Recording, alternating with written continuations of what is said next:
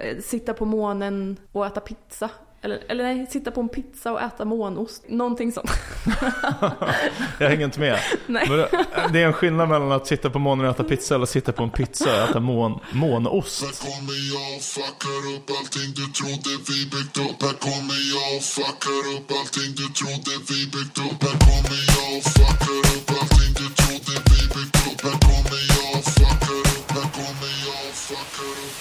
Hej och välkomna till podcasten Om och Men där vi reder ut det ni tycker är krångligt och krånglar till det ni trodde redan var utrett med mig Vincent Flink Gamlenäs. Med mig Beatrice Erkers. Dags för ännu ett härligt avsnitt. Yeah! Men du, vad har hänt sen senast vi sågs? Ehm, jag har eh, gjort en kul sak. Ja, Jag har tagit en harpa-lektion. aha, Alltså musikinstrumentet harpa. ah wow. Spela... Eh, ja, de, det, det är ehm, en harpa, typ vad- harpa-centrum eller någonting här Aha. mitt emot. Eh, Harpcentrum eller harpa? jag kommer inte ihåg vad det heter. Det är någonting sånt. Ehm, och eh, det var faktiskt jättekul, spela harpa. Ja, nice. Ehm, mm. Men udda eller? Det känns som en grej som bara spelas i kyrkor typ. Det var en sån eh, att jag, alltså dels när jag var på mm, den här barnkonserten i Ja. konserthuset så Remember? Ja. satt jag precis framför harpisten. Ah, Ehm, så de är ju med i stråkorkestrar och sådär. ah ja, ja, det är Ehm, klart. Ehm, så det var, det var ganska kul. Och sen så är det att jag framförallt liksom um, lyssnat på en låt där det är harpa och tyckte att det, det låter Ah. så himla fint typ. Att jag ville prova. Ehm, det är Florence and the Machines cover Ah. på Stand By Me. Som Aha. är med i eh, Final Fantasy tror jag. Stand by me, alltså den där boom, Mm. boom, boom, boom, boom. Fast med harpa då kanske. Mm. Ja, coolt. Mm. Och de är ju bra, Florence and the Machine. Ja, faktiskt. Jag hade en kille i min klass i gymnasiet som spelade harpa. Han Mm. blev ganska mobbad för det. jag tänkte liksom att det var något uh, feminint. tror Ja, jag. jag, tänkte säga det. Det har något feminint över sig. Ja. Det, det känns som att det är kodat så i vår, vårt samhälle i alla fall. Eh, Men det var... mm, Det är ju, jag har hört att det är ett väldigt svårt instrument och det, det köper jag för det är av sträng, stränginstrument så är det ändå så här. Det är väldigt många strängar och det är liksom svårt att veta vart man är på skalan kanske. Mm. Um, men eh, Plockar man med båda händer? mm, eh, det gör man. Eh, och så är det så här att du ska använda vissa fingrar för vissa Ja. Ja, i vissa plock och sådär. Um, men det var, det var jättekul. Um, det, var, det var på Kungliga. Musikhögskolan här. Coolt. Och jag fick spela keltisk harpa. ah, Som var så här, alltså det var, för mig såg det ut som en vanlig harpa, men den var liksom lite mindre. den är strängad åt ett visst håll också, eller hur? Alla, Ja, så kanske Ja. är. Jag vet inte ens vad... de alla strängarna går diagonalt åt ett håll. Mm, Annars så går de rakt ner. mm, mm. Eh, Det är ju landsvapnet, det är Irlands landsvapen. Ah. Uh, Keltisk harpa. Är det det? Ja. Wow. Ja. Mm, då kanske du vill berätta vad du har gjort sen Ja senast. precis, det var det jag hade tänkt berätta att jag har gjort. För jag, jag var precis i Dublin. Ja. Eh, och det var där jag lärde mig vad en keltisk harpa var. Ah, Eh, Så ett sjukt sammanträffande. Verkligen. Eh, För att jag visste inte vad det var innan. Men det, alltså det är liksom det, det ir- irländska landsvapnet som man tog efter att de blev självständiga. Från, för, först hade de ju det brittiska som är ett, en örn och ett lejon. mm, eh, Som är liksom, eh, eh, alltså kungahusets vapen. mm.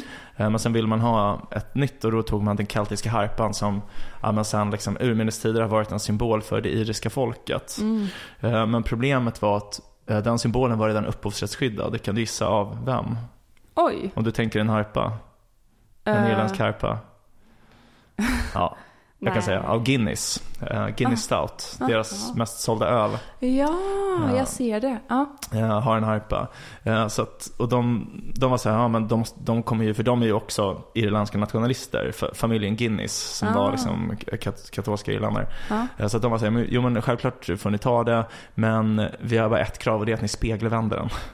Ah. Så att de här diagonalen går åt andra hållet på det irländska statsvapnet jämfört med Guinness-burkar. Okej. Och Guinness har åt rätta hållet då? Eh, ja, eller liksom deras håll då. Alltså Ja. det finns inget rätt håll, det är ju bara att man vänder på harpan Mm. liksom. Det känns ju ändå som att det är, det är ju inte, det är inte till deras nackdel liksom. Nej, nej verkligen inte. Eh, det är väl liksom en stor ära för dem tänker jag. Mm. Eh, men alltså det är intressant för att typ det andra stora irländska företaget efter Guinness, det är ju Ryanair. Mhm. Eh, Också en harpa. Aha. Också en harpa som eh, Men är de bolagen- också i irländska på något sätt? Ryanair? Ja, det är ett irländskt bolag. Aha. Han som startade var en irländare som hette Ryan i efternamn. Mäktigt. Ja.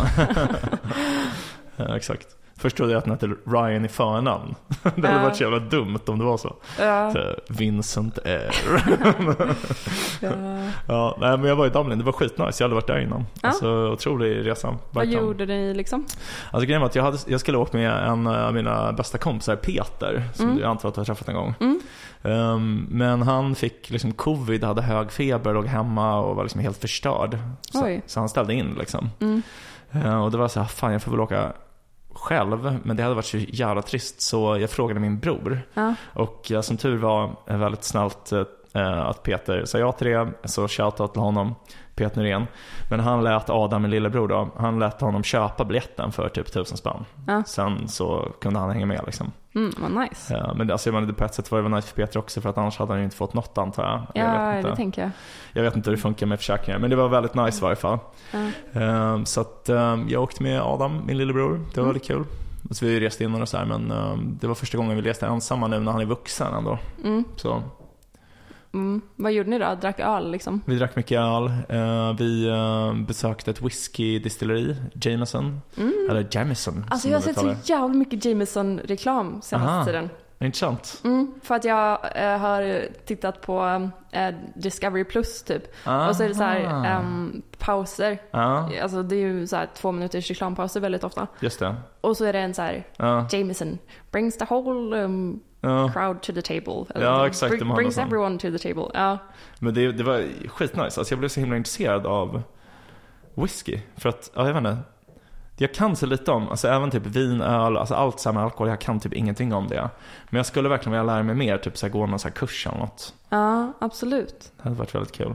Va, ja, det, är, det är, är det scotch de har i Skottland? Eller vad är det de har där? Jag Alltså det är whisky också. Det är whisky, Eh, ja.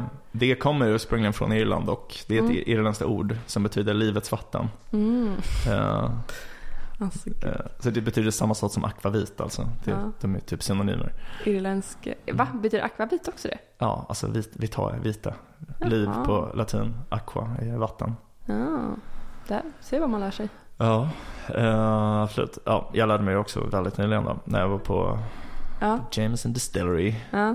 Men, ja, men det var väldigt coolt, de visade liksom hur de gör allt och sen rullade de ut en tunna med liksom 500 liter, eller 200 liter eh, whisky och typ öppnade korken så fick man liksom ta från tunnan. ja. Det var riktigt nice. A taste so smooth brings Ja. everyone to the table.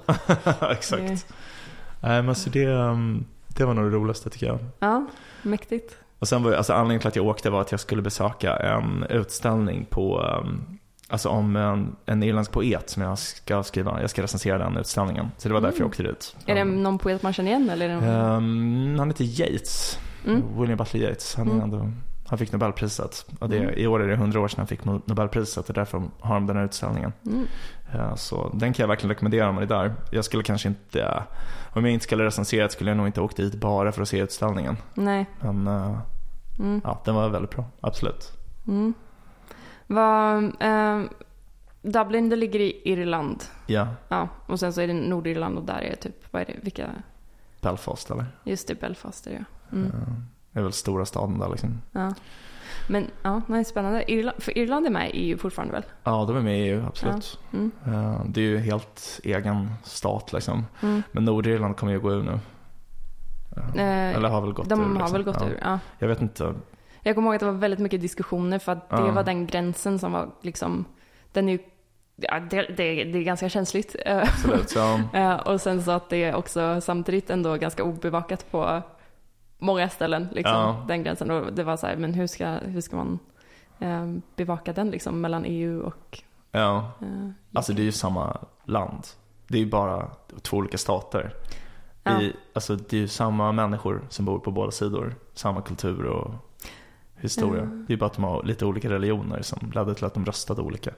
Ja, men de har Mm. ju, eller jag tänker att det är, eller det är ju absolut en, en känslig gräns till viss del fortfarande väl? Alltså med det här Absolut, the ja. troubles och allting. Att det, Jo, jo, det är det ju. Alltså det var väldigt mycket reklam i, när man landade i Dublin som var typ så här för saker som inte ligger under deras jurisdiktion. Typ så här, Mm. besök inspelningen av Game of Thrones, typ. Det är bara en timme härifrån.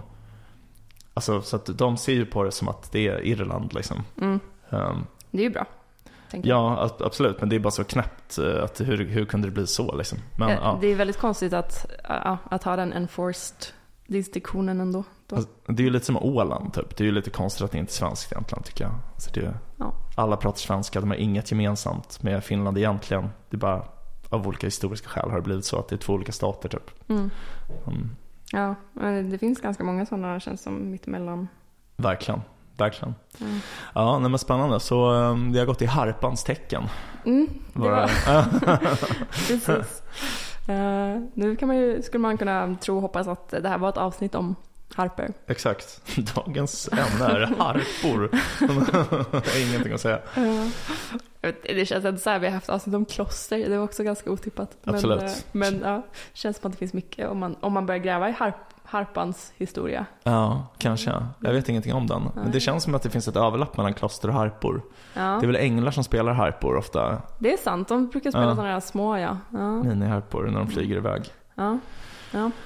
Eh, Men det är ju inte ett avsnitt om Harper. Nej. eh, Utan det är ett avsnitt där vi tänkte prata om ett ämne som vi har pratat i ett avsnitt om tidigare. Ja. Eh, När vi pratade om, det var ett väldigt tidigt avsnitt Ja. eh, om existentiellt hopp eller existential hope då. Just för att det. det var Ja. en grej jag jobbar med.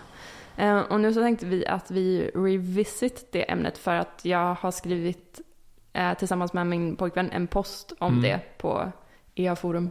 Eh, och liksom gått mycket djupare i konceptet. Um, så därför tänkte vi att vi kunde prata om det på ett lite mer, eh, ja, lite mer detaljerat sätt kanske. Och Mm. inte lika löst och flummigt kanske som det var förra gången. Nej. Eh, ja, men så posten handlar liksom om um, huruvida det är, för inom kontext då, så inom EU, EU EA så är det väldigt mycket fokus på att liksom ehm, ehm, vad ska man säga, battle existential risk liksom. Att eh, på olika, med olika insatser försöka få ner ehm, nivån av existentiell risk Mm. som vi står inför. Eh, och, och då typ, ja men eh, försöka med olika insatser minska risken av kärnkrafts eller nuclear war eller någonting sånt. Mm. Um, men då, det som var syftet med posten var att undersöka lite typ så här, men hur förhåller sig folk som ändå tänker på de här sakerna kanske till um, eh, en annan framing, liksom mer positiv framing eller så här, borde Mm. vi tänka mer på eh, hur, vad vi vill och inte bara vad vi inte vill, Mm. uh, sådana Mm. saker. Um, och Att det kan vara mer motiverande kanske. Och, Ja, precis. Eller liksom vad, vad, vilket värde har det? Typ. Och det är inte som att vi kommer fram till några svar där. Mm. Men det är bara intressant att, att undersöka. Ehm, och eh, ja, men så, så vi börjar liksom med att gå igenom eh, olika mm, eh, kon, de, de koncepten som kanske är vanligast Mm. eh, när man pratar om, tänker på liksom framtiden och, och positiva Mm. eh, versioner av framtiden. Och då är det ju termer som då eh, utopi, Mm. som, det måste ju vara ändå den vanligaste. Det tror jag också. Ja, och det är en sån term som väldigt många, om man, det, det blir ett ganska nördigt avsnitt då, men på EA-forumet att många har skrivit, när man pratar om eh, att liksom fundera på framtiden så tänker man på utopier. Eh, och har skrivit många poster på EA-forum där man pratar om liksom olika versioner av utopier. Till exempel eh, Holden Karnowski pratar om det här med um, mild to radical utopias. Alltså Mm. att det finns så här, det, det tror jag vi nämnde förra gången också, att det är Mm. så här, eh, mild är typ, som jag sa, världen nu minus cancer. Just det. Ja. Eh, och radical är så här, ja vi är alla uh, Holborn emulation uploads Mm. och eh, bor i, eh, på Mars eller något Ja. sånt. Det är lite radikalt. Det är radikalt och eh, också kanske frågan om det verkligen är en utopi. Ja, precis. Men precis. absolut. Mm. Mm. det, är, precis det är värt att eh, diskutera. Ehm, men också typ en annan post är um, en som heter Joe Carl Smith som har skrivit om eh, Sublime Utopias. Mm. Eller liksom Concrete versus Sublime Utopias. Och där eh, han menar att vi ofta kanske är lite för konkreta när vi tänker på eh, visioner av framtiden. Mm. Att vi kanske fastnar i liksom vår nuvarande kemi eller vad man ska säga. Mm. Eh, men att vi borde tänka större, liksom sublime. Att, Mm. eh, jag tror han har något citat att så här, att det är um, sitta på månen och äta pizza Eller, eller nej, sitta på en pizza och äta månost eller någonting. Någonting sånt. Jag hänger inte med. Nej.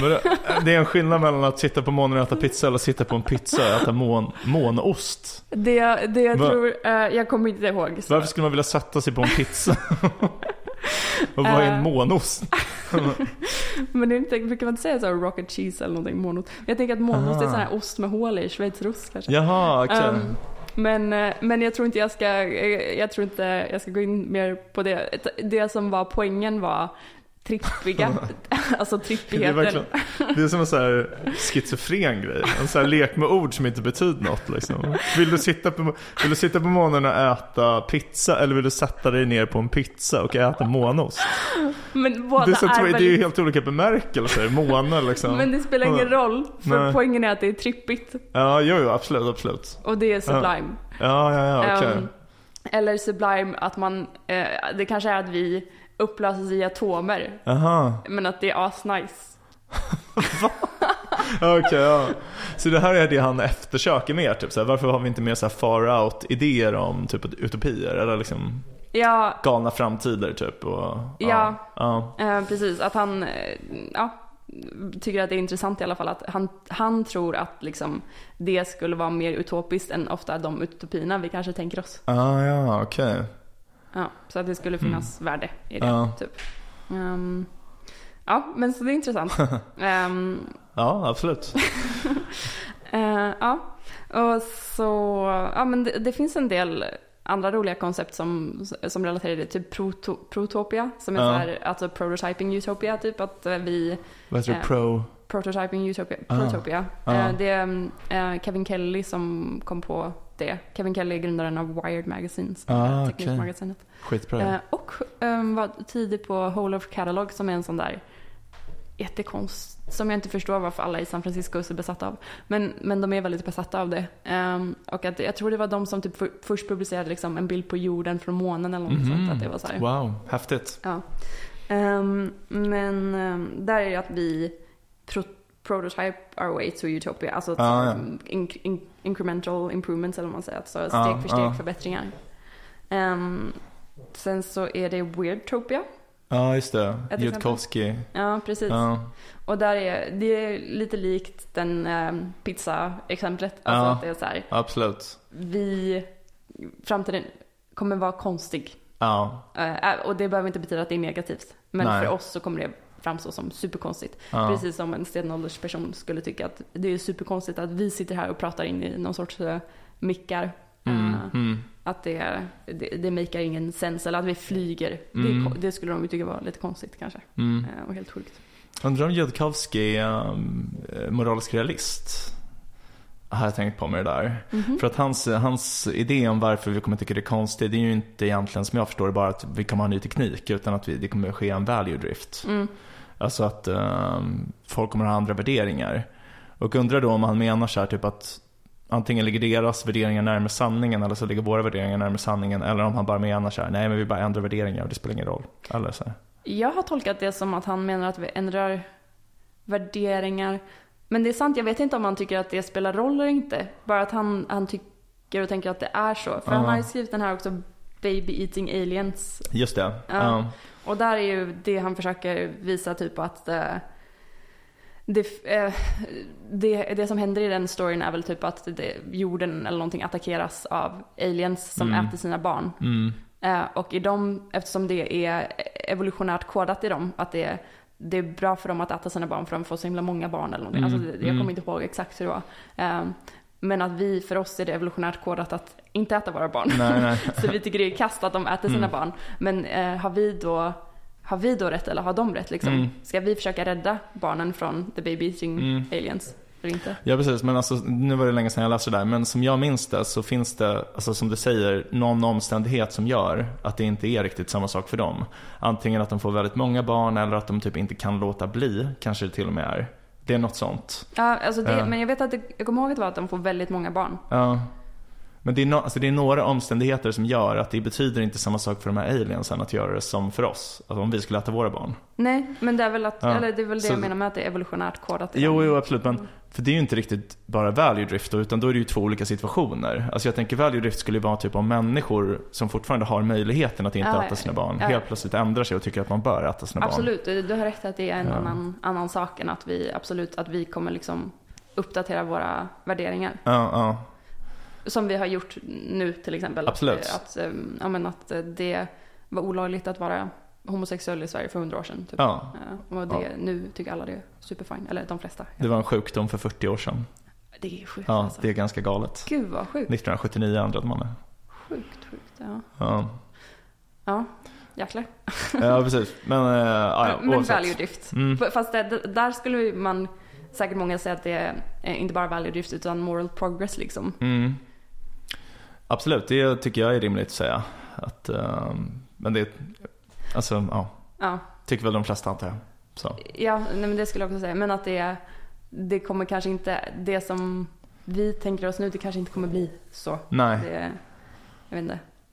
Ja. Nej precis, alltså, för det är många som tänker sig hur det är nu, typ den moraliska utvecklingen som har varit eh, senaste hundra åren. Och så tänker man i tangentens riktning, vad kommer det bli då? Jag menar, så här, man tänker att folk, det kommer bli mer individualistiskt, eh, mindre krig, eh, kanske folk kommer ta bättre hand om djur och så.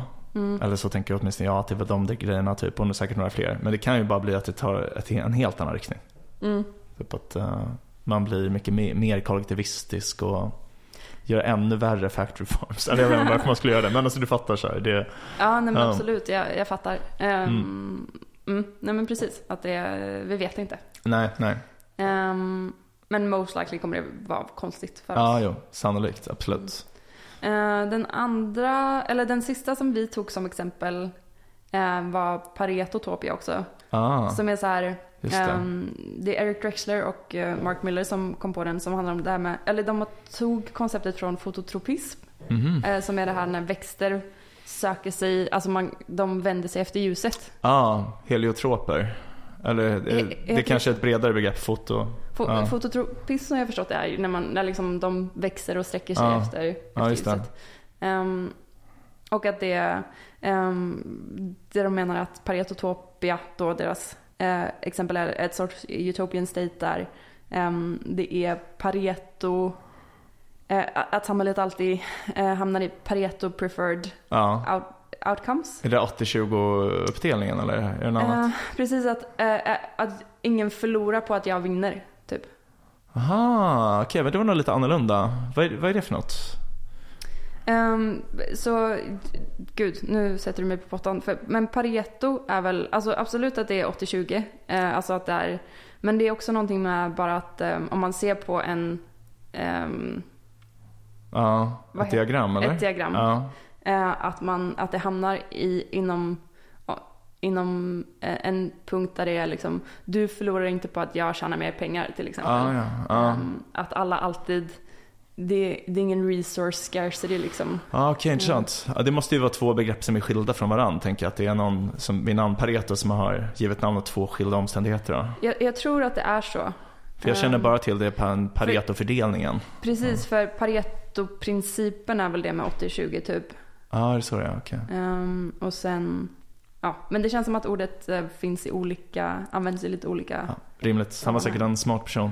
Eller hon, Mm. vad vet jag. Det finns i alla fall, om man vill djupdyka i det, finns det en mycket mer detaljerad liksom post på EA-forumet om Paritopian Goal Alignment. Typ Mm. att man, ja, att det är helt enkelt ehm, Ja, om vi har jättemycket resurser, att man skulle kunna designa samhället så att, som sagt, Mm. ingen förlorar på att jag eh, vinner.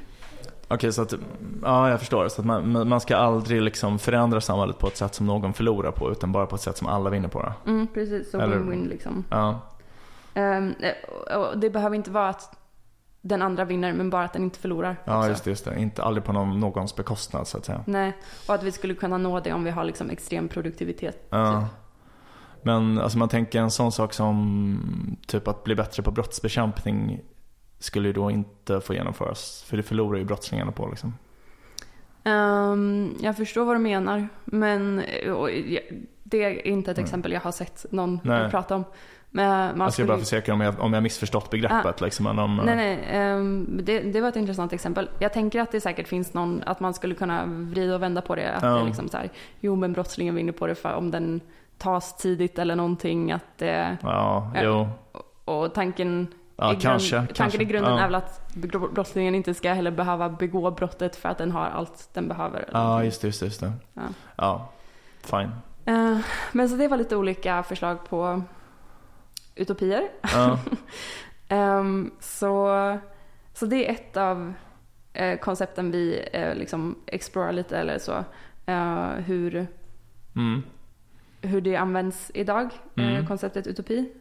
Ehm, det är också intressant med utopi att det, det har ju också en ganska negativ konnotation Verkligen, för ja. många. Eh, rent, att det är liksom en politisk historia där många så här kanske in the name of utopia typ har gjort ganska kassa saker. ja Eh, kommunism på olika sätt känns väl som absolut. eh, det bästa exemplet på det liksom. Ehm, så det känns, därför så är vi inte säkra på att det är liksom det bästa ordet att använda egentligen. För att det är, det är många, det, jag har aldrig stött på det här i Sverige liksom, men, men när man är med mer libertarianska personer i, i USA så, att det är liksom, Mm. det sparkas bakut om man eh, hänvisar till utopi eller använder det ordet liksom. Mm. Ehm, så det är lite intressant. Ehm, Alltså även, det är intressant att även kommunisterna själva använder ju ordet utopi som någonting negativt. de gör det? Om, eller åtminstone historiskt, alltså så de, det som vi kallar kommunism nu är marxister, folk som är inspirerade av Karl Marx och Engels. Eh, Och de pratade om sina föregångare inom socialismen, för socialismen är mycket äldre än Marx. Mm. De kallade dem för utopiska socialister. Mhm. För att de menar att de tog inte hänsyn till det de tyckte var viktigt som var liksom de materiella förhållandena, produktionsfaktorerna. Mm. Eh, Så att, för de tänkte bara på idéer om, om rättvisa och jämlikhet och han menar liksom att de idéerna betyder ingenting, det är bara borgerliga påfund, det enda som spelar roll är produktionsfaktorerna. Mm. Eh, Men de är ju nu, alltså jag tänker marxister är ju de som är mest anklagade för att vara utopiker nu. Ja, Så det är lite ironiskt. Ja, verkligen. Men, Mm. Det hade jag ingen aning om. Ehm, men intressant. Eh, det är ett annat ehm, av koncepten av liksom olika sorters sätt att prata om en positiv framtid Ja, ehm, är det här med positive trajectory change. just det. Som är Nick Bäckstead. Mm. Som, jag vet inte om du är bekant med honom? Ja men jag känner igen, han har skrivit något om ehm, typ Infinite Ethics tror jag. Ja, det låter som honom. Ja. Eh, väldigt så EA-filosof eller vad man ska säga. Ja, Eh, och han, i sin, han var också den som, han var VD för FTX Future Fund. aha, Ja. intressant. Mm. Så um, han har nog inte haft det så kul på senare eh, året. Nej, hårda tider för Bäckstead. Ja, ehm, men ehm, men jag, alltså jag tycker jättesynd om honom för Mm. ja, eh, han har nog fått eh, Han blev lurad, Ja, antar jag. verkligen. Ja. ehm, Men han i sin PhD-tes Ja. eh, skrev om trajectory change. Liksom. Och då är det typ att man, om man tänker på världens utveckling som the world development trajectory. Mm. Och att man då tänker att man kan påverka den trajectoryn på olika sätt. Mm. Och att han då menar att det finns liksom ehm, positive trajectory change. Ah, ja. ja. Ehm, och det skulle kunna vara saker som typ så här, men hur rika folk är eller vilka teknologier man använder eller typ så här, hur lyckliga folk är eller hur um, ve- utvecklad vetenskap och kultur och sånt är. Ehm, så det, det är liksom konceptet väldigt, det, det, jag tycker det är ganska self-explanatory. Typ. Mm, absolut. Ehm, Hur men- världens utveckling ändrar riktning. Ja, precis. Och att man kan på olika sätt då kanske försöka aktivt styra den Mm. i en positiv riktning. Vilket jag tänker att det är att folk tänker att man gör. typ, Absolut, eller, och, absolut, eh, ja. Försöker. Ehm, folk som försöker göra gott. Det är målet liksom med att förbättra världen. Precis. Men, ehm, men då, det som med det... För jag ska säga att syftet med posten är att utforska vilka koncept använder folk och hur är de användbara. Typ. Mm. Och då för den här positive trajectory change så det känns inte som en, en sån som man har sett folk använda, alltså folk använder inte positive nej. trajectory change Nej, när man pratar så här. Ehm, The man on the street liksom. precis, Eh, utan det, det har mer blivit upplockat av typ Will McCaskill, alltså Mm. andra filosofer typ och lite mer akademiska Verkligen. cirklar. Ehm, och att det, typ eh, Toby Ord då, den här filosofen som känns som att vi har pratat om ett Många antal gånger. gånger, också. Mm. Eh, skrev ett paper nyligen som var om ehm, the world trajectory och olika sätt att försöka positivt för, påverka den. Mm. Och då mm. delar han upp det i olika, fyra olika kategorier som är typ så här advancements, speedups, gains och enhancements och typ så här. ehm, det finns ett talk också publicerat där han går igenom de olika eh, matematiskt och försöker liksom räkna ut vilken som är bäst. Mm. Ehm, och eh, Inte sett. Men, Ja. eh, Ehm, jag, jag tror, jag har för mig att, ehm, nu kommer jag inte ihåg riktigt, men jag har för mig att han, tror att gains var bäst, eller advancement kanske? kan du inte förklara skillnaden bara? Jag hänger inte med riktigt. Ja, nej, Eller så, det kanske är svårt att säga. ja, jag, jag är jätteförvirrad själv över det. Ehm, men att um, advancements, typ att eh, om vi tror att eh, det är mer troligt att framtiden är liksom bättre än Mm. nutiden så skulle vi kunna eh, förbättra det genom att göra så att det, det kommer Mm. tidigare. Typ. Eh, alltså jobba så att det händer fortare. Just det. Ehm, och att man, typ att man försöker advance alla sorters progress. eh, att det ska hända fortare än vad det skulle ha hänt annars. Typ. Mm, jag förstår. Och sen så speed ups är typ så här istället för att bara skynda på progress. Ja. Ehm, det känns som att det, det kanske är lite väl petigt där. Men att det då, man skulle kunna speeda upp det ännu mer permanent på något sätt. Alltså, Alltså ja. jag tror att advan- alltså säga, om man tänker utvecklingen som en kedja som är på förhand given. Då är liksom en advancement är att du flyttar fram pjäsen ett steg. En Mm. speed-up är liksom att du höjer hastigheten som pjäsen flyttas. Precis, precis. Uh, och, och enhancement är att vi typ, ehm, att värdet av allt plötsligt bara är en procent mer. Typ. Ja, ja, ja. Eh, att du, du är en procent, alla är en procent lyckligare. Mm. Hur, hur mycket extra värde blir det i världen? Mm. Och gains är om man istället för att bara eh, tänka på så här timingen av framtidens directory så försöker man påverka, Värdet just nu. ja, Du får lite extra värde just nu. ja. Ja. Men det, var, det, det där var 90 gritty och inte, mm, inte så mycket det jag var intresserad av. Men just att det, det uppenbarligen är ett mycket mer akademiskt begrepp, Mm. liksom, det är så det har plockats upp. Eh, och sen så är det då existential hope som är det tredje ja. konceptet som vi undersöker.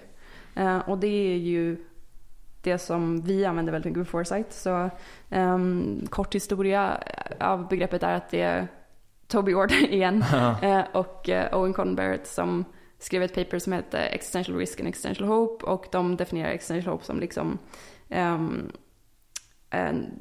the chance of ja, upside risk typ. Mm. Alltså så här att man på samma sätt som vi skulle kunna arbeta för att eh, minska existentiell risk så skulle vi kunna arbeta för att öka existential hope. Mm, Typ. mm.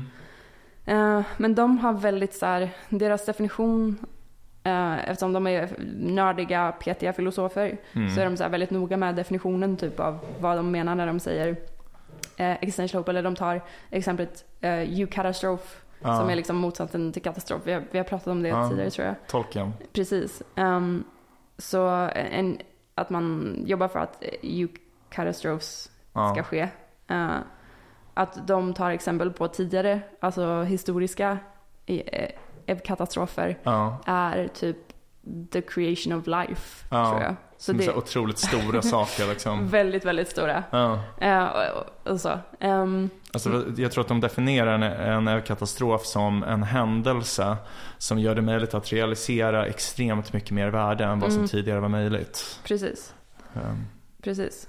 Ehm, men då när vi, eftersom vi använder det mycket på Foresight så vi använder inte det så. Det är inte så att vi så här, Ja. när vi pratar om, vi, vi har ju till exempel en podd där vi intervjuar folk om och frågar dem till exempel, har du några exempel på eh, katastrofer och sådär? ja. Eh, som du skulle vara Mm. taggad på att se. Eller som du tror att du, ditt jobb kan hjälpa till att Mm, mm. eh, åstadkomma. Eh, och då är det ju inte så här, då är det ju mer typ ja men någon kanske tycker whole brain emulation, någon kanske tycker fusion energy, alltså så här, Mm, mm. mycket mindre saker. Mm. Alltså stora saker men Det är inte av den kalibern. Nej. nej, jag förstår. in, inte så här the original creation of life. Ehm, men eh, då, ja så det, det är så vi använder det ofta Ja, skulle man kunna ja. säga i eh, lite mer slängigt liksom. Det är mer typ vetenskapliga genombrott. Ja, Ofta, det blir väl eller? ofta det. Ja, precis. Ja. Ehm, mm. Men sen så det som vi då försöker Mm. um, utforska mer i posten är liksom um, vi sammanfattar de här som att det är exempel på very positive futures Mm. typ. Mm. Och att man då försöker eh, fundera på är det eh, borde vi fokusera mer på eh, work focused on very positive futures. Mm.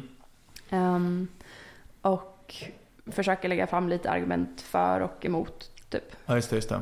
Ehm, eftersom det som sagt är lite motsatsen till vad många fokuserar på Mm. idag. Inom, ja. Ehm, och då är det så här, några av sakerna som vi tänker skulle kunna vara fördelar Mm. eh, potentiellt. Mm. Att det kanske skulle kunna hjälpa till att ehm, identifiera nya eh, effektiva eh, causes. Mm. Vad, säger man på svenska? Alltså, ja, interventioner liksom. Ja, kanske det.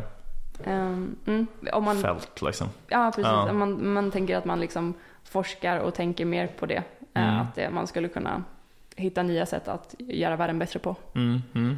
Ehm, det skulle också kunna hjälpa en kanske att prioritera um, framtiden i relation till nutiden. Eh, att eh, det är många som kanske tänker att man har en så här default setting. Ehm, att man tänker att framtiden kommer bli bra bara vi inte dör, typ. Mm. Men att det kanske är, Den kan bli mycket bättre. ja precis, om vi fokuserar, om vi lägger ner lite eh, fokus och energi på det skulle Ja. det kunna bli väldigt mycket bättre och då skulle det kunna skapa väldigt mycket mer värde. Ehm, och eh, en annan är typ, skulle kunna hjälpa till, det, det här tycker jag är den mest intressanta för Foresight, typ att det kan attrahera en annan sorts crowd. Mm. Eh, att jobba på frågor som, som eh, liksom är fokuserade på att förbättra den the long term future. Mm. Ehm, och, och det skulle kunna inkludera arbete som eh, är fokuserat på att minska existentiell risk till exempel. Ja. Men att det handlar om liksom hur man framar ja, eh, saker. Inte bara som någonting läskigt utan som ett intressant projekt för Precis. framtiden. Liksom. Och då är ett av, eller vi argumenterar för till exempel då att det skulle kunna hjälpa till med det för att det skulle kunna hjälpa till att skapa en mer ehm, emotionell koppling Mm. till den här möjliga positiva framtiden. Mm. Eh, och att ehm, ett exempel är till exempel att många av de, de första som började tänka på existential, alltså inte eh, inte de första någonsin som började Mm. tänka på existential risk, men inom liksom Mm. EA-sfären och lite mer att de tidiga där var alla transhumanister. Mm. Typ så Anders Sandberg, David Pierce, Nick Boström. Eh, och då, det är intressant för att det, det, det är liksom, man tänker att det beror på att de känner sig himla, de är Mm. så jävla taggade på framtiden. Mm. Typ. Och då känner de sig väldigt motiverade att jobba på eh, Exakt. Ja. vad, vad som än kan hjälpa Mm. till att göra den framtiden, make, make it happen liksom. Vet alla vad transhumanister är tror du? Kanske en uh, svårt begrepp. Ja, nej jag vet inte. Ja, men vad ska man ka- kalla det? det? Det är typ som en rörelse som försöker omdefiniera vad som är mänskligt. Håller mycket på med så här eh, interaktioner mellan teknik och människor. Biohacking, eh, den typen av saker. Ja, precis liksom att eh, ofta med teknik för att höja människan liksom. Ja, ja. Även droger. Ja, säkert. Men de var, alltså väldigt intresserade av det här att liksom minska risken för stora katastrofer som kärnvapenkrig och sådär. Typ. Precis, för då tänker de att och de är också ofta inne, väldigt intresserade av att liksom, ehm, förhindra döden. Ja. Alltså eh, att de inte vill dö. För att de vill uppleva den supertekniska, spännande framtiden som de är astaggade på. Liksom. Exakt, väldigt transhumanistiskt. Verkligen, verkligen. Ehm, det är... um, Anders Sandberg var med i 8000 Mm. hours-podden nyligen. Jag tror Mm. du lyssnade Mm. på det också. Jag lyssnar på det, väldigt bra. Eh, då pratade han om det här med typ så här att, eh, eh, att han, eh, en av anledningarna till att han har jobbat på sin bok Grand Futures, Ja, som han har jobbat på nu i, jag vet inte hur länge som helst, eh, så det känns som att den aldrig kommer bli publicerad men vi får se. Ehm, att han var för att han kände att han behöver skriva om hopp för att så här, många, eftersom han jobbar med eh, existential risk och global catastrophe och sådär. ehm, så är det ofta många som frågar honom typ såhär, men alltså hur, hur, how do you sleep at night? Typ. Mm. Och han bara, men jag sover ganska bra eftersom jag faktiskt jobbar på Mm. att liksom motverka det här. Mm. Ehm, och du måste vara optimistisk inför framtiden för att vilja rädda den. Ja, just det. Ehm, Så är det ju. Ja.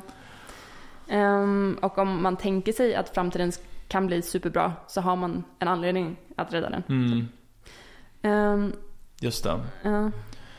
Ja, annars är man ju väldigt pessimistisk om man man inte, inte ens tycker det är värt liksom. Men det känns ju som att ganska Ja. många nu för tiden ändå är ganska uppgivna. Jag tänker liksom så här, ehm, alltså jag, jag tycker det är intressant med, jag har inte så bra koll på den här Fridays for Future-rörelsen Mm. eller så. Men det jag tycker är intressant är att det känns som att det är en trop att de, de är väldigt uppgivna. Ja. I min, att de liksom tänker att världen kommer eh, fuckas upp av klimatförändringar. Mm. Eh, och det är nä, nästan så att de inte har något hopp kvar. Mm. Mm. Samtidigt så gör de ju allt de kan för att liksom förhindra det. Så då tänker jag att de har någon sorts hopp. Alltså jag tror inte att de gör det allt de kan. Eller liksom, de är ju inte så här truth seeking på det sättet. Det är ju bara en vanlig social rörelse. Folk som demonstrerar och det är inte Det- som att alla utbildar sig till ingenjörer och försöker komma på smarta lösningar typ. Nej det är sant, det är sant. Men jag tänker, Ja. jag, om man tänker typ Greta Thunberg då. Ja. Jag tänker hon gör ändå allt hon kan tänker hon. Alltså det är möjligt att hon tänker det absolut. Ja. Men eh, ja, jag vet inte. Hon har ju säkert gjort jättemycket för klimatet. Jag menar inte så men Ja. ja. Ja, men i alla fall. Eh, en annan grej där är också så här, eh, och, här är väl också super ehm, stor anledning för oss då, framförallt på Foresight, att använda begreppet existential hope som gör så mycket att det, ja. eh, det finns en sorts eh, konflikt skulle man kunna säga mellan typ EA-personer, Ja. eh, personers syn på ehm, vad man ska prioritera att arbeta på, att minska existentiell risk liksom. Och många av de tech, technooptimister som vi jobbar med till Mm. exempel.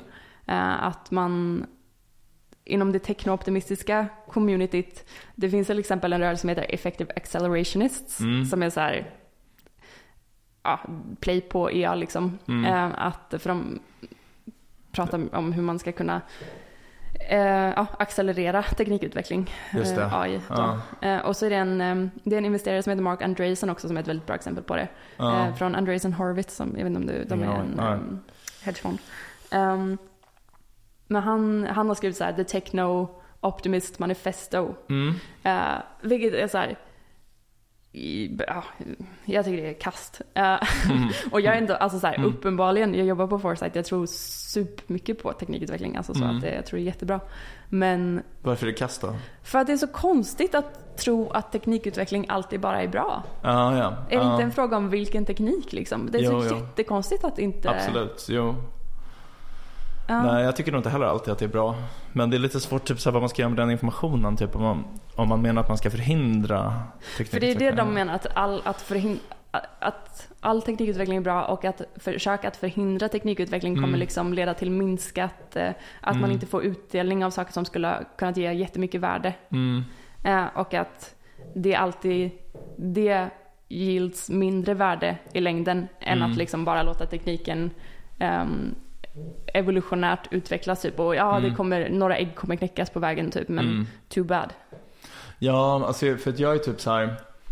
Om man ser till hela mänskligheten så är jag emot att förhindra teknikutveckling. Men i vissa fall är jag såklart inte emot det. Så jag är till exempel emot att, eller jag är till exempel för att vi ska hindra Iran från att utveckla kärnvapen. Mm. Så det är inte som att jag tycker att varje gång någon försöker utveckla något tekniskt så är det bra att de gör det. Nej. Men jag tycker inte att man ska på en global nivå försöka förhindra forskningen från att göra framsteg. Mm. Det, det tycker jag inte liksom. Nej. För jag har Men- väldigt svårt att se ett scenario där man skulle kunna göra det på ett bra sätt. Men det håller jag, det håller jag ju med om. Liksom. Ja. Och det är det jag tycker är konstigt när... Alltså dock, det, kän, det skulle kännas konstigt just när du sa Iran. Alltså så här, Ja. Det känns ju som att Mark Andreessen som är så här, världens mest amerikanska snubbe skulle tycka var toppenbra. Ja. Eh, det känns som att han framförallt vill att han ska få göra vad han vill. Ja, Eh. Så de är i San Francisco, typ. Ehm, men, men generellt sett så typ det här techno optimist manifesto är typ så här ehm, We were cold so we invented fire. Alltså typ Mm. eh, we were, eh, jag tror eh, internetexemplet var typ så här, we were lonely so we invented the internet. Mm. Lite konstigt. Mm. Men... Det var ju ehm, militären som uppfann det ja, också. ja. Ja. Ehm, ja, men, eh, men då i alla fall, då, för att gå tillbaka till framingen då, så just att den här eh, konflikten eller clinchen Mm. är att de här teknoptimisterna Ja, eh, ofta tycker att EA-personer är liksom för bakåtsträvande. Liksom. Mm. Eh, och EA-personerna tycker att de teknoptimisterna är för risktagande. Mm. Eh, men då, vår förhoppning när vi arbetar med begreppet är att liksom dra, attrahera teknooptimister Mm. Mm. eh, till att tänka att man kan liksom vara astaggad på framtiden. Eh, Mm. Mm. Tänka jättemycket på eh, hur man kan, vad man kan eh, göra för att liksom göra den bättre. Men att man också då, att det är okej att eh, tänka på riskerna också. Eller så här, försöka Mm. mitigera riskerna Mm. och, och sånt. Ehm, Jo, nej men absolut. Alltså um, mitigera eller liksom minska riskerna är jag ju för. Men jag tycker att man ska göra det framförallt genom att sprida typ en viss kultur av försiktighet. eh, Mm. snarare än liksom våld eller regleringar. Mm. För att alltså det tror jag typ att Alltså de flesta som kritiserar folk som håller på med X-risk kanske inte förstår typ att de flesta som håller på med X-risk tänker inte så att det kommer dyka upp typ en grupp med människor som är ute efter att döda alla människor. Typ. Det är inte så den vanliga farhågan. Den vanliga farhågan är ju typ att någon kommer göra någonting fel. Alltså typ av oförsiktighet skulle det leda till någonting. mm, Alltså typ som de här ehm, Alltså att det var nära att bli kärnvapenkrig mellan Sovjet och, och eh, USA till exempel. Uh, var ju liksom för att man, någon gjorde fel typ. Och, alltså Mm. sådana exempel som tas ju ofta att någon har misslyckats med att göra något. Typ. mm, och jag menar det måste ju alla vara medvetna om att folk kan göra fel typ. Att det är bra att vara försiktig. mm.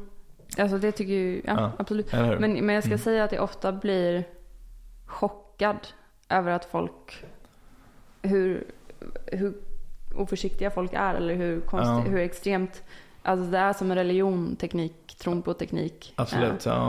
Eh, Jag pratade, intervjuade en person, ja, Mm. en, en person jag pratade med här om veckan eh, var så här, han ville börja föda upp eh, råttor och bläckfiskar hemma hos Mm. sig. För han ville så här biologiskt avancera deras intelligens. Mm. Eh, alltså breed for intelligence. Vilket är väldigt intressant. Alltså jag tycker det var ett intressant projekt. Men jag frågade honom typ så här, ah, men okej, ser du några så här etiska utmaningar eller liksom Mm. som det? Han bara, nope, Mhm. nothing. Och jag bara så här, men du, och du ska göra det hemma hos dig liksom? Mm. Vad har du? Alltså så här, man bara, Hmm. det, jag tycker det är så sjukt Mm. att folk Mm. Är sådana. Men det är en X-risk. ja. Alltså så, ja, Ja. sådana individer är. Bläckfiskarna kommer liksom spränga hela världen. Ja, Som en men detonator. jag tänker mer att de kommer lida väldigt mycket under hans eh, Absolut. Ja. Ja. Nej men säkert. Ja. Ja nej men folk är nog lite oförsiktiga liksom. Men det är väl att man typ går igång lite på den här imagen som en galen vetenskapsman som inte skyr några medel typ. ja, kanske, kanske. Um, Eh, ja, eh, en annan fördel är liksom ehm, att vi generellt sett har ett bias mot negativa visioner kanske. ja. Eh, det känns som att mm, ett exempel man ofta tar är liksom bara mm, att det är enkelt att se på populärkultur.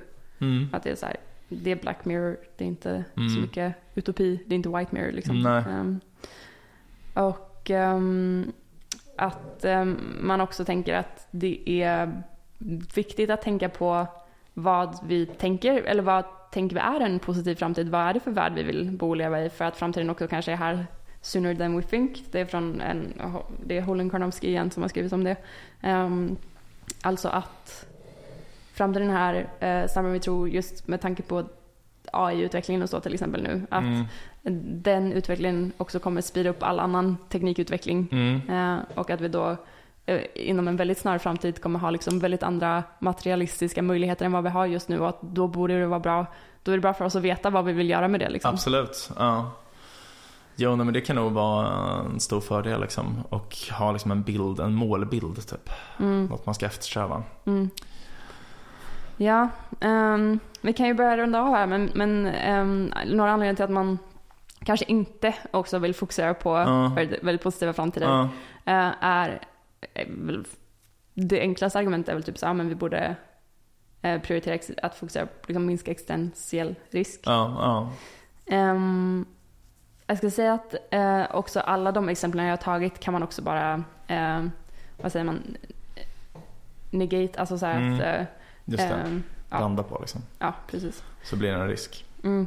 Ehm, ja, m- men så att det inte är ett effektivt sätt att eh, locka folk till att jobba på framtiden, um, framtida saker. Ehm, kanske för att det också attraherar att, att jobba på sådana advancements och sånt. Mm. Att det kanske kommer, som, man, som det är med teknikutveckling, att det kommer leda till mer risker och att man kanske blir mer techno-utopisk Mm. och liksom Mm. pushar och egentligen gör mer skada. Liksom.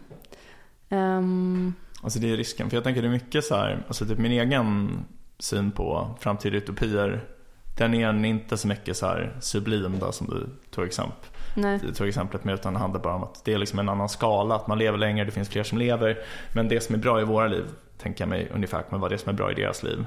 Um, Mm. Att man kommer ha andra kulturella uttryck och sådär. Men, men att det inte kommer vara så mycket större skillnad mellan oss och framtiden än vad det är liksom mellan oss och typ eh, alltså jägare och samlare. Liksom. Mm. Det är ju stor skillnad men samtidigt är det ju inte så stor skillnad. Jag tänker mig att de värdesatte också liksom, att vara med sina barn och sin partner och så här. Ja, alltså när jag, när jag tänker på sånt som jag blir taggad av så är det ju också mer, alltså det är ändå, det är Mm. inte sublime liksom. Nej, Eh, jag tror att det är orimligt att tro det faktiskt. Alltså, Ja. Eller det är så här, orimligt, jag vet inte, jag tror åtminstone inte att man har några skäl att tro det. mm, mm, absolut. Att allting kommer vara helt annorlunda i grunden typ.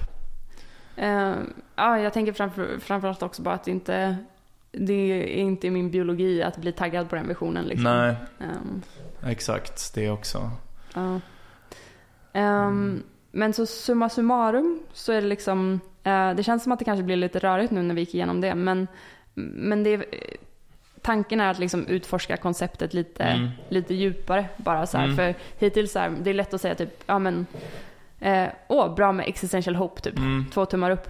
Eh, men att eh, tanken var att djupdyka lite mer i det och typ så här, eh, okej men är det bra, eller liksom, är det bättre än det som redan Mm. finns. Och det vi landar i, i den mån vi landar i någonting, är ju typ liksom att det vore bra att veta mer. Typ. Ja. att det, ehm, det vore intressant att liksom eh, ja, ehm, se mer forskning på det, Mm. eh, se mer arbete på det för att då förstå om det är värt att göra mer. Typ. Mm.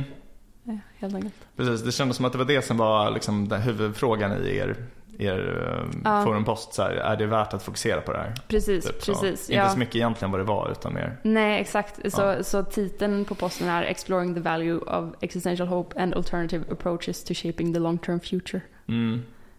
Så det är, ja precis, att Mm. utforska värdet liksom. Mm. Mm. Ja, men intressant. Men eh, det verkar som att du ändå tycker det är lite värdefullt eftersom du jobbar med det varje dag.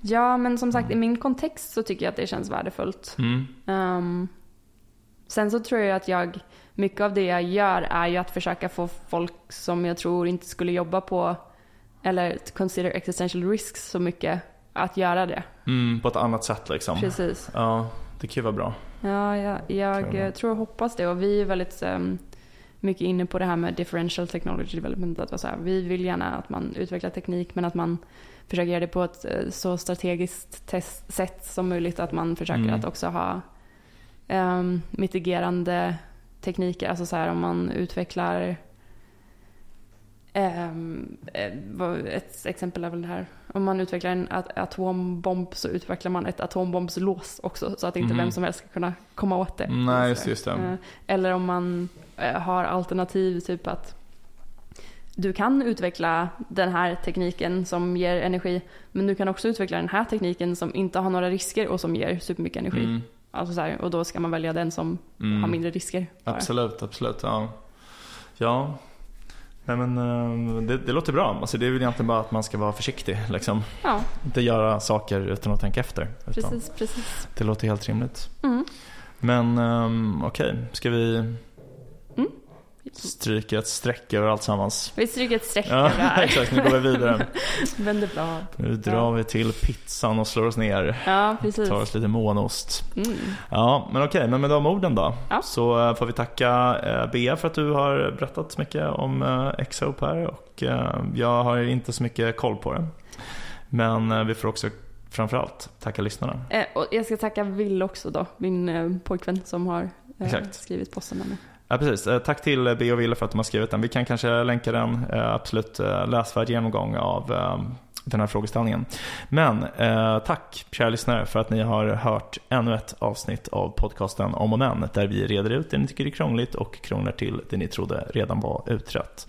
Nästa vecka kommer vi prata om någonting Helt sjukt. Här kommer jag och fuckar upp allting du trodde vi byggt upp Här kommer jag och fuckar upp allting du trodde vi byggt upp Här kommer jag och fuckar upp